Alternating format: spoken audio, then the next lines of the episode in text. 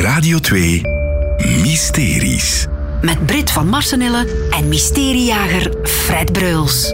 Hey Fred. Dag Brit. Jij hebt een mysterie opgelost. Vertel. Wel, ik heb het gehad over de strafte smokkelverhalen uit Limburg. Oké, smokkelverhalen, dat is Mhm. altijd interessant. Dat is eigenlijk wel interessant, omdat wij eigenlijk aan een grens wonen met Nederland. En heel veel Limburgers wonen natuurlijk aan die grens. Dus ik dacht van, wie weet hebben heel veel mensen van een smokkelverhaal. En was dat ook zo?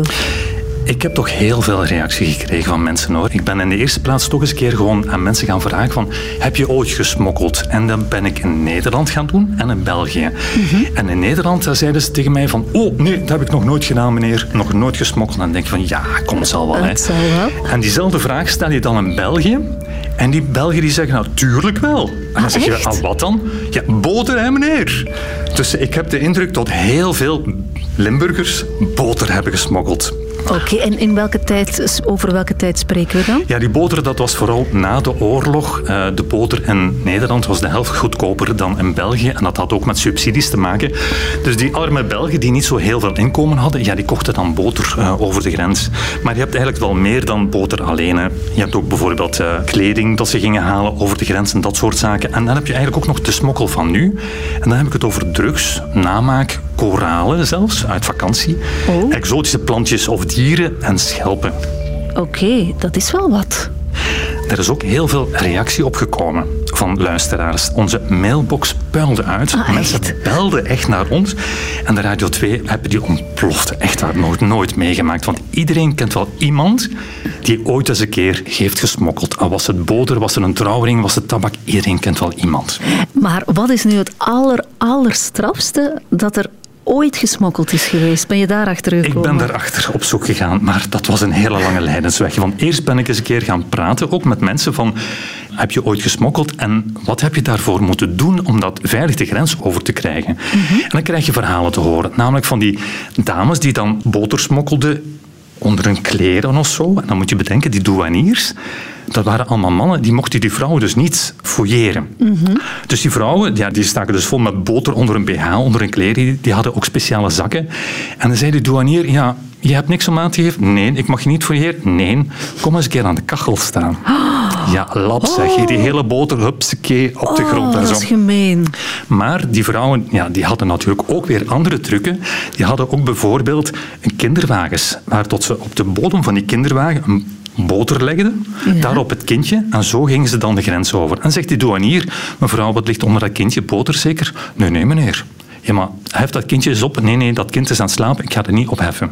En de douanier die ging ook niet dat kind opheffen, want dat is buiten de regels, dus dat gebeurde ook niet. Dus dat was een tamelijk veilige manier om die boter de grens over te krijgen. Ja? Dat waren ook wel trieste verhalen. Want bijvoorbeeld mijn eigen moeder, die is ooit in Maastricht schoenen gaan kopen. Hij heeft haar oude schoenen daar achtergelaten. Is de grens overgekomen met die nieuwe schoenen. En van de douaniers heeft hij die schoenen moeten achterlaten. Dus hij is blootvoets terug de bus opgestapt. Dus dat mocht niet. Dat mocht niet, nee. Maar, Er waren ook nog andere zaken, bijvoorbeeld veesmokkel. En daar waren ook trucken voor, want die boeren uit Nederland die brachten hun drachtige koeien de grens over, lieten die koeien werpen in België en dat waren plots Belgische kalveren geworden. Helemaal legaal. Mijn overgrootmoeder die heeft ook gesmokkeld. Ik wist het tot iedereen wel een Iedereen smokkelaar was. verhalen.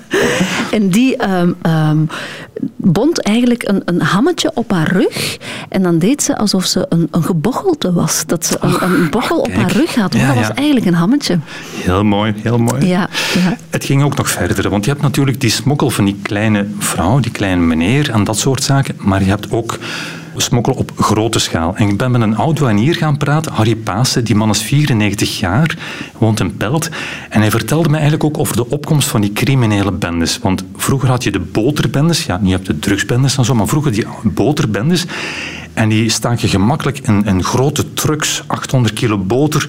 En die reden gewoon dwars door die douane heen. En die, bij de achtervolging, mo- mochten ze achtervolgd worden, gooiden ze de, de kraaienpootjes naar buiten. Dat was eigenlijk niet zo heel fijn. Maar dus, dat was eigenlijk de aanzet van die drugsbendes.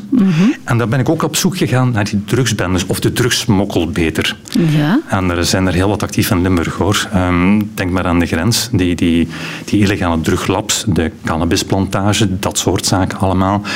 En ik heb ontdekt, en ik ben er ook eens een keer gaan kijken, dat de politie zo'n cannabisplantage heeft nagebouwd en ook zo'n druglab heeft nagebouwd om de politiemensen helemaal te trainen.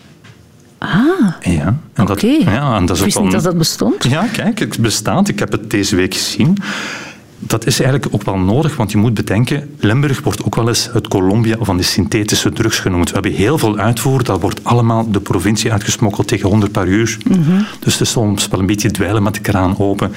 Vandaar ook dat het misschien niet slecht is, denk ik, van zo'n opleidingslab, zo'n opleidingsplantage te hebben. Hè. Ja, nu Fred, eh, mij lijkt het heel moeilijk om uit al die reacties dan ja, het, het strafste verhaal uit te pikken. Ja, ik heb in de eerste plaats geleerd dat er verschillende smokkelaars zijn. Ja. Je hebt de kleine smokkelaar, ja, dat pakje boter, zeg maar. Je hebt de criminele smokkelaar, die 800 kilo boter de grens overkrijgt. Ja. Maar je hebt ook idealisten. Ah. En bijvoorbeeld, ik ben terechtgekomen op het verhaal van Emile Stevenie uit Mazeik. En dat was een belastingambtenaar die zelf smokkelde. Echt waar. Ik dacht van, wat hoor ik nu? En ik had daarvoor gebeld naar de conservator van het Douane- en Accijnse Museum. Ja. En die vertelde me dat. Ik zei, maar hoe kan dat nu? Een belastingambtenaar die zelf smokkelt? Ja, zegt hij. Maar, een hele grote maar, alles speelt zich af in de Eerste Wereldoorlog. Ja. Die man werkte bij het verzet. En die werkte daar aan de grens van Mazeik. En die had eigenlijk als belastingambtenaar heel makkelijk toegang tot die grenspost. En die heeft op die manier zowat 3000 Belgen de grens overgesmokkeld. Hij zorgde ook ervoor dat de informatie van spionagediensten, die briefjes allemaal, ook de grens over konden komen. Dus dat had je het eigenlijk ook, toch ook, hè, van die idealisten. Ja. Het is wel niet zo goed afgelopen met die man, want die is uiteindelijk opgepakt en geëxecuteerd. Ah, ja, ja. En hij is trouwens geëxecuteerd op de terreinen van de huidige VRT, onder de VRT-toren. Nee. Ja. Dat was de Tir Nationaal, de nationale schietbaan. En daar is die man dus gestorven. Werden daar mensen geëxecuteerd? Alsjeblieft zeg. In de Eerste Wereldoorlog. Ik heb ook heel veel reacties gekregen van luisteraars. Want via Wiki ben ik te weten gekomen dat ook aan de grens in Smerenmaas bijvoorbeeld er heel wat gesmokkeld werd.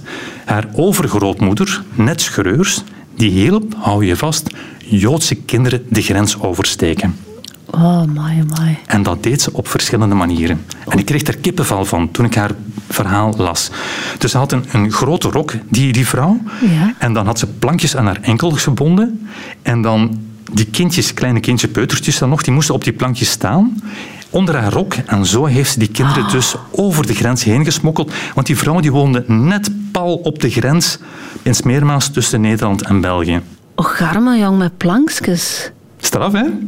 Pikant detail. De Duitsers hadden haar woonkamer geconfiskeerd. Die zaten daar gewoon eigenlijk in haar huis. Ja. En toch onder de neus van die Duitsers heeft ze dus die kinderen gesmokkeld.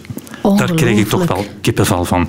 En toen ik dat hoorde, dacht ik van... Dat is toch wel het strafste smokkelverhaal dat ik deze week heb gehoord. Ja, mijn haartjes gaan hier ook overeind staan. Voilà. Ongelooflijk. Ik heb eigenlijk ook wel vooral geleerd, Brit, dat grenzen mensen niet tegenhouden. Hè. En dat ze altijd wel een manier vinden om die grenzen over te steken. Ja, dat blijkt.